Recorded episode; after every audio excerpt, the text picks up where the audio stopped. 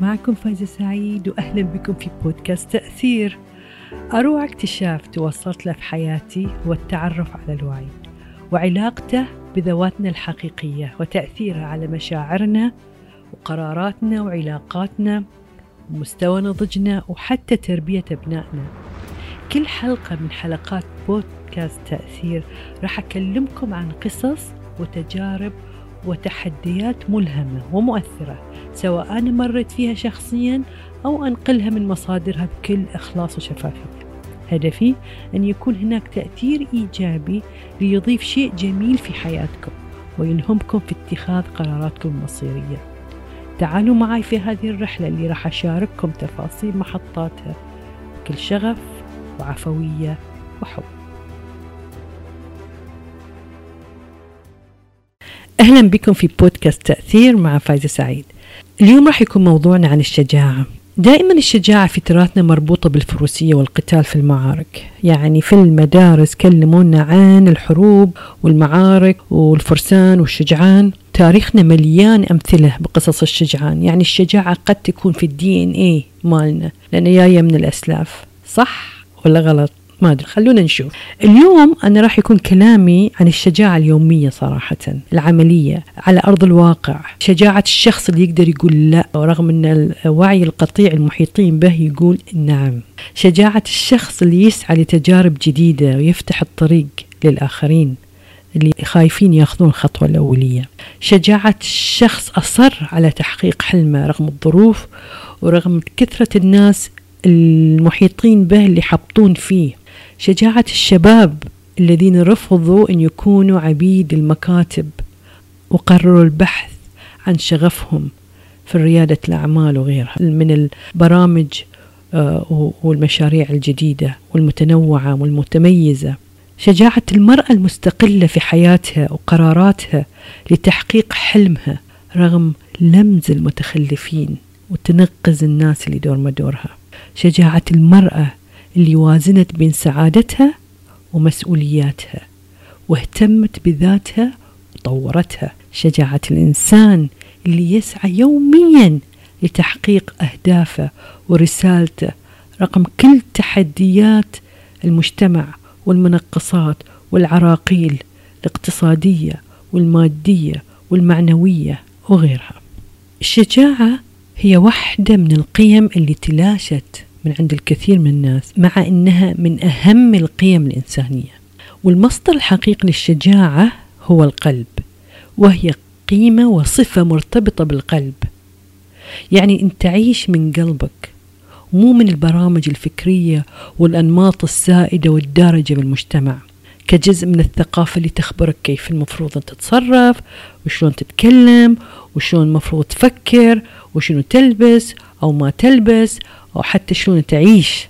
لذلك الشخص اللي عنده الشجاعة واللي عنده تنشيط لخصلة الشجاعة في حياته لديه كنوز لا محدودة لأنه قادر يتخطى البرامج الموجودة في ذهنه عن طريق الشجاعة. مثل ما ذكرت أن التاريخ العربي والإسلامي مليء بخصلة الشجاعة والفروسية والإقدام. كأنه موجود في الدي إن إيه يعني الشجاعة موجودة داخلنا ولها مكان ورثناها من الأسلاف. السؤال هل فعلنا هذه الخصلة أو أهملناها فذابت وتلاشت؟ أنا هني راح أساعدك على تفعيل هذه القيمة العظيمة ولكن لابد أن نعرف أهمية الشجاعة وفوائدها في حياتنا.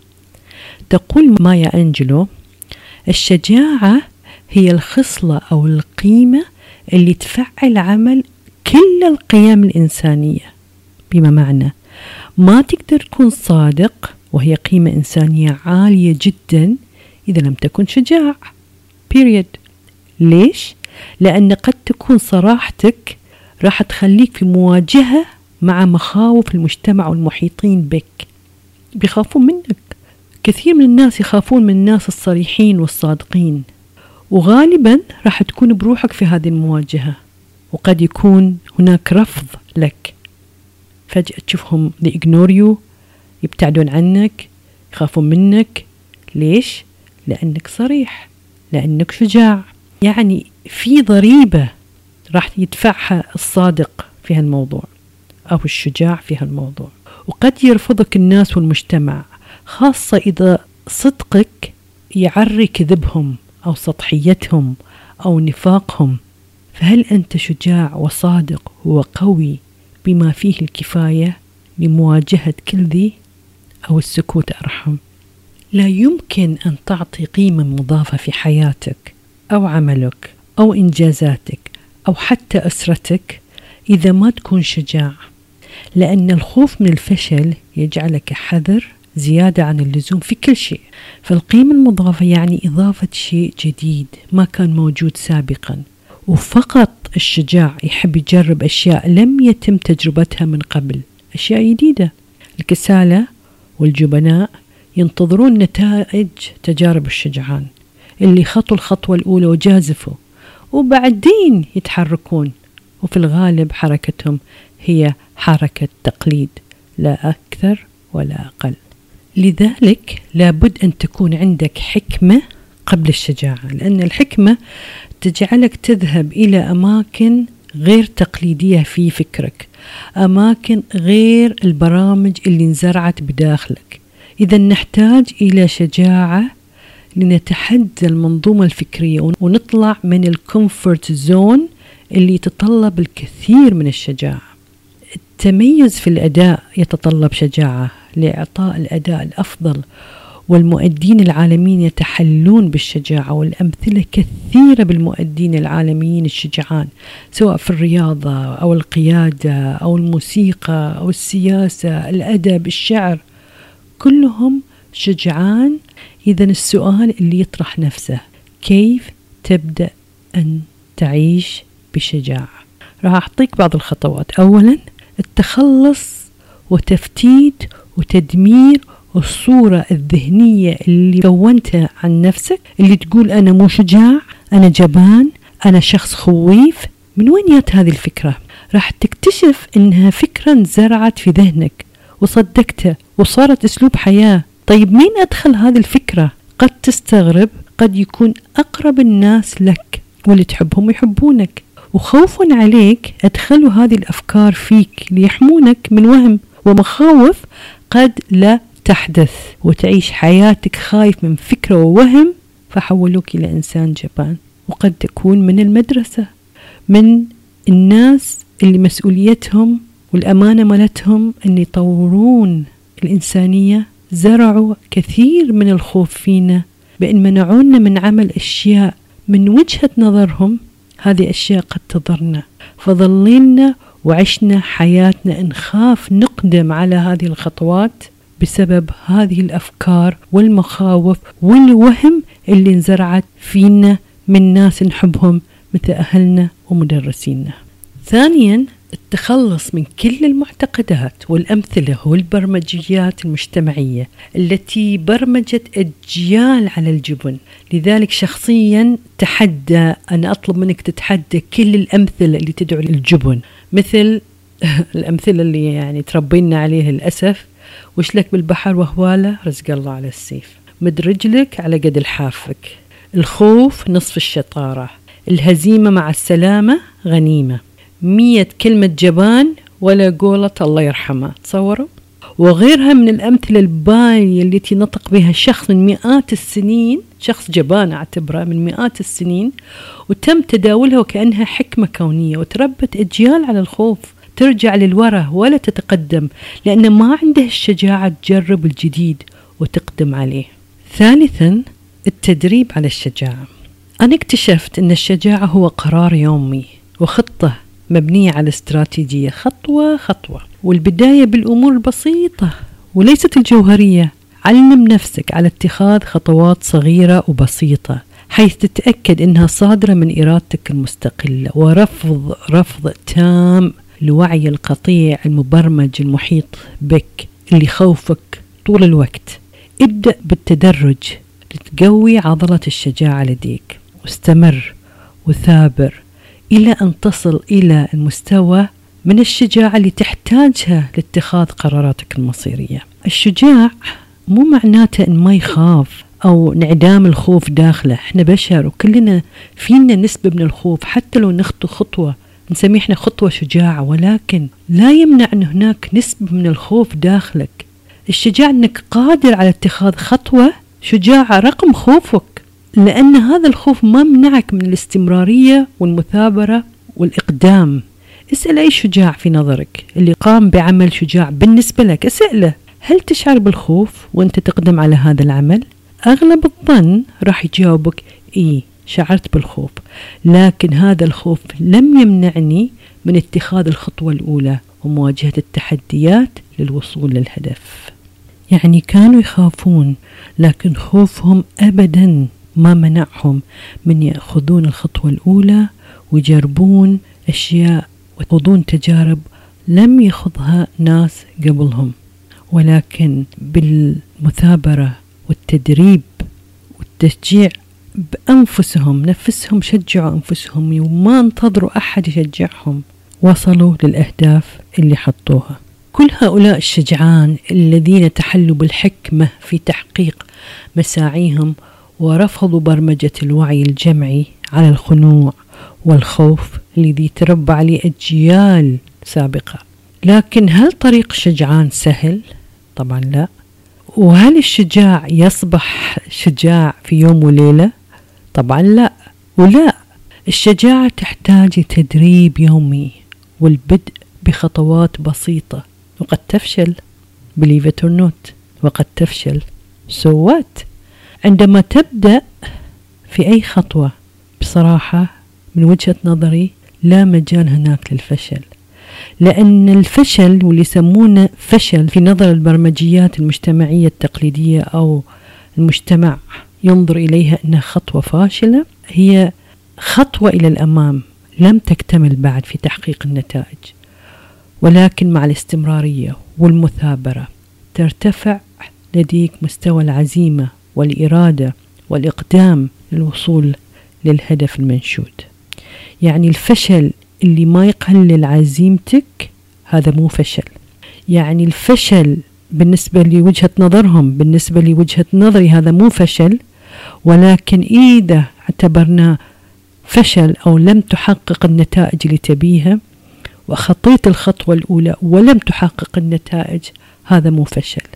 هذا خطوة إلى الأمام وخطوة أخرى إلى الأمام وفشل آخر إلى الأمام إلى أن تصل إلى النتائج.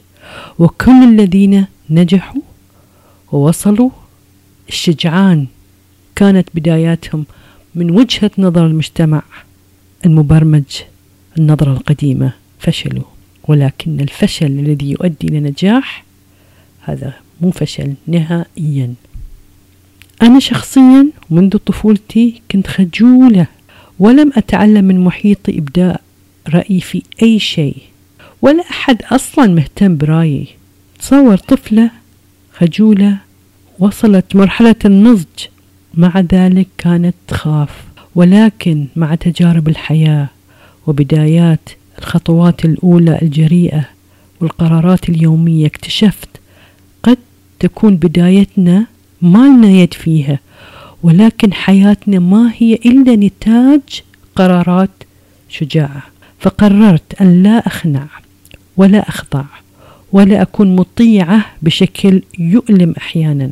أصبحت تلك البنت الخجولة متحدثة ومدربة. سافرت العالم لأتكلم أمام مئات من الناس بلا خوف. راح أشارككم الوصفة اللي أنا اتبعتها. إن شاء الله ما تكون معقدة. أولا ضع النية أنك تريد تطوير قيمة الشجاعة عندك وأنك تستحق حياة مبنية على قرارات شجاعة لتحقيق بعض الأهداف اللي أنت حطها هاي واحد. ضع توكيدات يومية بأنك شجاع بما فيه الكفاية وأن من حقك أنك تعيش حياة مبنية على قرارات شجاعة وحكيمة وأنك قادر على مواجهة كل التحديات اللي سوف تواجهها في الطريق. إذا أنت من محبين القراءة اقرأ عن حياة العظماء الذين غيروا العالم بشجاعتهم. واعلم أنك لا تقل عنهم في شيء كل ما في الأمر أنهم فعلوا شجاعة داخلهم. بس. أحد الطرق اللي أنا نفعتني عندما أبي أقدم على خطوة شجاعة وأنا غير متأكدة من النتائج دائما أسأل نفسي هذا السؤال في بالي طبعا قبل لا أقدم على الخطوة. ماذا أسوأ شيء يمكن أن يحدث لو اتخذت هذا القرار؟ وبعدها أعيد تصور حياتي وأنا أجاري نتائج قرار الشجاع. يعني أتصور أسوأ شيء ممكن أن يحدث إذا أخذت القرار وأسأل نفسي هل يمكن التعايش مع هذا الوضع الجديد؟ قد أخسر كذا قد أخسر كذا قد أخسر كذا. هل أقدر أن أعيش هذا الوضع الجديد أو الواقع الجديد بعد اتخاذ القرار؟ Believe it or not الجواب دائما يقول لي yes تقدرين. وأكتشف إن الحياة ما بعد القرار حتى لو كان سيء it's not bad. فهذا شجعني على اتخاذ القرار. كذلك أبدأ بشيء بسيط. تبدي رأيك في شيء معين في خلال اجتماع معين؟ هذا الرأي تعرف إنه ما له شعبية كبيرة. بدل ما تسكت عبر عن رأيك وقول رأيك رغم إنه ممكن تحصل معارضة من اللي قاعدين معك وخذ مبادرات صغيرة وقدم اقتراحات لإنجاز شيء محدد. أنت اقترح أنك تسوي شيء لأن تحمل مسؤولية مشروع. هو نوع من أنواع الشجاعة ترى والفعالية لأن تقول أنا راح أقدم على هاي الخطوة وأنا مسؤول عن هاي النتائج اللي راح تحصل. ترى هذا تحتاج إلى شجاعة وفعالية ومبادرة. وبس الشجعان يقدرون يقدمون على هذه الخطوة. بالنسبة لي ما كنت أتكلم في الاجتماعات. كان الخوف يمنعني من الكلام. خاصة أنا أكون من الأقلية طبعا في الاجتماعات. أكون المرأة الوحيدة في الاجتماع مرأة أو ثنتين موجودين في الاجتماع والبقية كلهم رجال. والتسترون في قمته. إلى أن يوم قررت أن أشارك في النقاش وكنت أتدرب في البيت على بعض العبارات اللي يمكن تعبر عن وجهة نظري. أحط المنظرة قدامي وقاعد أتكلم وأقول أنا إذا صار هذا الموقف راح أقول الآتي وأبتدي أتكلم وأتلعثم مرة ومرتين إلى أن تضبط العملية. لذلك أقترح الناس اللي بتعبر عن رأيها في اجتماعات معينة تدربوا. شلون تبتدون العبارة وشلون تنهوها بكل قوة بال eye contact. على أساس تضيفون شيء في هذا الاجتماع ولا ما لكم سالفة. على كل ظل معاي الخوف من المشاركه لفترة طويلة. إلى أن تدربت وعرفت إني أقدر أشارك. وأول مشاركة تفوهت بكلمات بسيطة وعبارات قصيرة. يمكن حتى ما كنت أسمع روحي. لكن كانت هذه البداية. علمني ستيفن كوفي الشجاعة. وفهمت إن الشجاعة لا يعني الصوت المرتفع ولا استخفاف برأي الآخرين. تعلمت منه الشجاعة الفعالة المبنية على احترام رأي الآخرين وتفهم مشاعرهم والشجاعة في إبداء رأيي بكل وضوح وشفافية والتعبير عن مشاعري بطريقة صريحة مصحوبة بالاستماع التعاطفي الذي يبني الثقة في العلاقات. عندي لكم قصة خوفي وكيف تغلبت عليها. أنا كان عندي خوف شديد من السباحة بسبب حادثة غرق. كنت آه، جريب أموت فيها لما كان عمري خمس سنوات. هذا الخوف صاحبني كل مراحل حياتي إلى أن اتخذت القرار بالقضاء عليه بتعلم السباحة وتعلم غوص الأعماق اللي كان يشكل لي رهاب وهو أعلى مستويات الهلع والخوف. والبداية اتخاذ قرار شجاع بالتقلب على هذا الخوف وإلى الأبد. وقررت تعلم الغوص وبالمثابرة استطعت أن أصل إلى أعلى مستويات الاحترافية في مستوى الإنقاذ في البحر. علشان بس أرفع مستوى ثقتي في البحر فحملت روحي مسؤولية أني أنقذ الآخرين اللي معاي الغواصين اللي معاي في حالة حصل شيء معاهم. وهذا يحتاج ترى إلى إصرار وساعات طويلة من التدريب الاحترافي. إلى أن وصلت إلى أعماق كبيرة في البحر 38 مثلا متر. وهو يعتبر إنجاز لوحدة مثلي كانت تجزع تخاف من الأعماق أو حتى من السباحة في برجة. وإلى الآن أتذكر أول مرة قطست في بحر. كان في بحر شرم الشيخ. بحر شرم الشيخ بحر عميق. طبعا جميل بس يخوف بالنسبة لي لأن شيء آه هائل عالم آخر آه داخل هذا البحر. وكان لا زال بقايا خوف داخلي يذكرني الشجاعة ليست في انعدام الخوف إنما بيكون الخوف لا يعيق مستوى تطورك وخوض التجارب ولا يقلقك من أخذ أول خطوة. إذا أنا مو ما كنت خايفة كنت خايفة وأنا أغوص وأتذكر قلت كل الآيات اللي حفظتها عشان الله يحفظني ويحفظ اللي معاي. ولكن اتخاذ الخطوة الأولى بأن أني وصلت الأعماق كانت خطوة شجاعة أنا أعتبرها من أشجع الخطوات اللي اتخذتها. ما كانت سهلة كانت تحتاج إلى كثير من التدريب تدريب أكثر من الآخرين. ذكر هم يعني يأخذون ويسبحون معانا في البحر. أنا كنت أرجع وأسبح بعد في برشة عشان أعرف بعض الخطوات اللي هم ضبطوها في البحر وأنا ما قدرت أضبطها. يعني أنا مضيت آه، ساعات أطول في التدريب علشان أوصل لمستواهم. أو بالأصح مستوى شجاعتهم. فشجاعتي في الغوص جاءت من القرار الشجاع ثم التدريب تدريب والتدريب.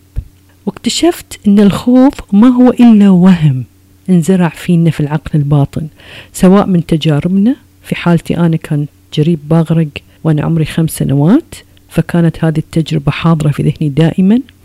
أو من المحيط أو من التربية. مو مهم من وين المهم علينا نتحدى كل أنواع الخوف. الخوف من الأماكن العالية الخوف من الحشرات الخوف من الأماكن الضيقة الخوف من كلام الناس الخوف من العين الخوف من المرض الخوف من النار. والقائمة طويلة من أنواع الخوف اللي تربينا عليها وجعلتنا مجتمعات شبه ميتة بصراحة.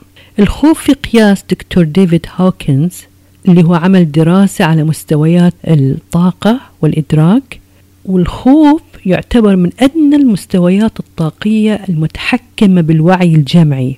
تصور درجة الخوف مئة مقارنة إلى أعلى مستوى الوعي أو الإدراك أو الطاقة وهو ألف اللي وصله الناس المستنيرة اللي حققوا السلام الداخلي. فالمجتمعات الخائفة عموما لا تستطيع أن تنجز أو تبدع أو تتطور. لأنها مجتمعات سلبية منسحبة جبانة ومقيدة. أنا طبعا امرأة ومهم عندي أني أركز على وضع المرأة في مجتمعنا بعد. فإذا كان الخوف موجود في مجتمعنا للمرأة والرجل لكن موجود بأضعاف أضعافه عند المرأة. أنا من الذين يؤمنون بقوة المرأة وشجاعتها بكل المقاييس. رغم أننا في مجتمعات يتم فيها ترويض النساء مثل ما يتم ترويض الفرس. المرأة كأي إنسان تتواجد في هذه الدنيا. جاءت مليئة بالأفكار والطاقة والإبداع والحماس والشغف ويبدأ بتقليص تلك العوامل. المجتمع يبدأ بتقليص كل تلك العوامل. التربية تبدأ بتقليص كل كل تلك العوامل. فيقتلون طموحها ويستخفون بشغفها ويحجمون رأيها وتقنن طاقتها ويحولونها من إنسانة شجاعة مليئة بكل شيء جميل إلى امرأة خانعة. تعرفون وين الخطورة؟ أن هناك طرق للترويض سرية غير معلنة. مثل أنت بنت ما يصير تسوين كذي أو تلبسين كذي أو تتكلمين كذي أو تضحكين كذي أو تقعدين كذي وأنت غير الولد أو أنت تربي على تنفيذ توقعات الأسرة والمجتمع من غير الالتفات إلى رغباتها وتطلعاتها. وتظل كذلك إلى أن تفقد هويتها وتميزها وتصير واحدة من القطيع أو خيل عرجاء. لا تصلح للسفر أو السباق. وأنا هنا أقول إذا لم تتربى المرأة على الشجاعة فانتظروا أجيال قادمة من الجبناء. فإذا الأم مدرسة على حد تعبير شاعرنا حافظ إبراهيم فنريد المرأة الشجاعة القادرة على توليد أجيال من الشجعان. لكم مني كل حب وسلام وأهلا بكم في بودكاست تأثير.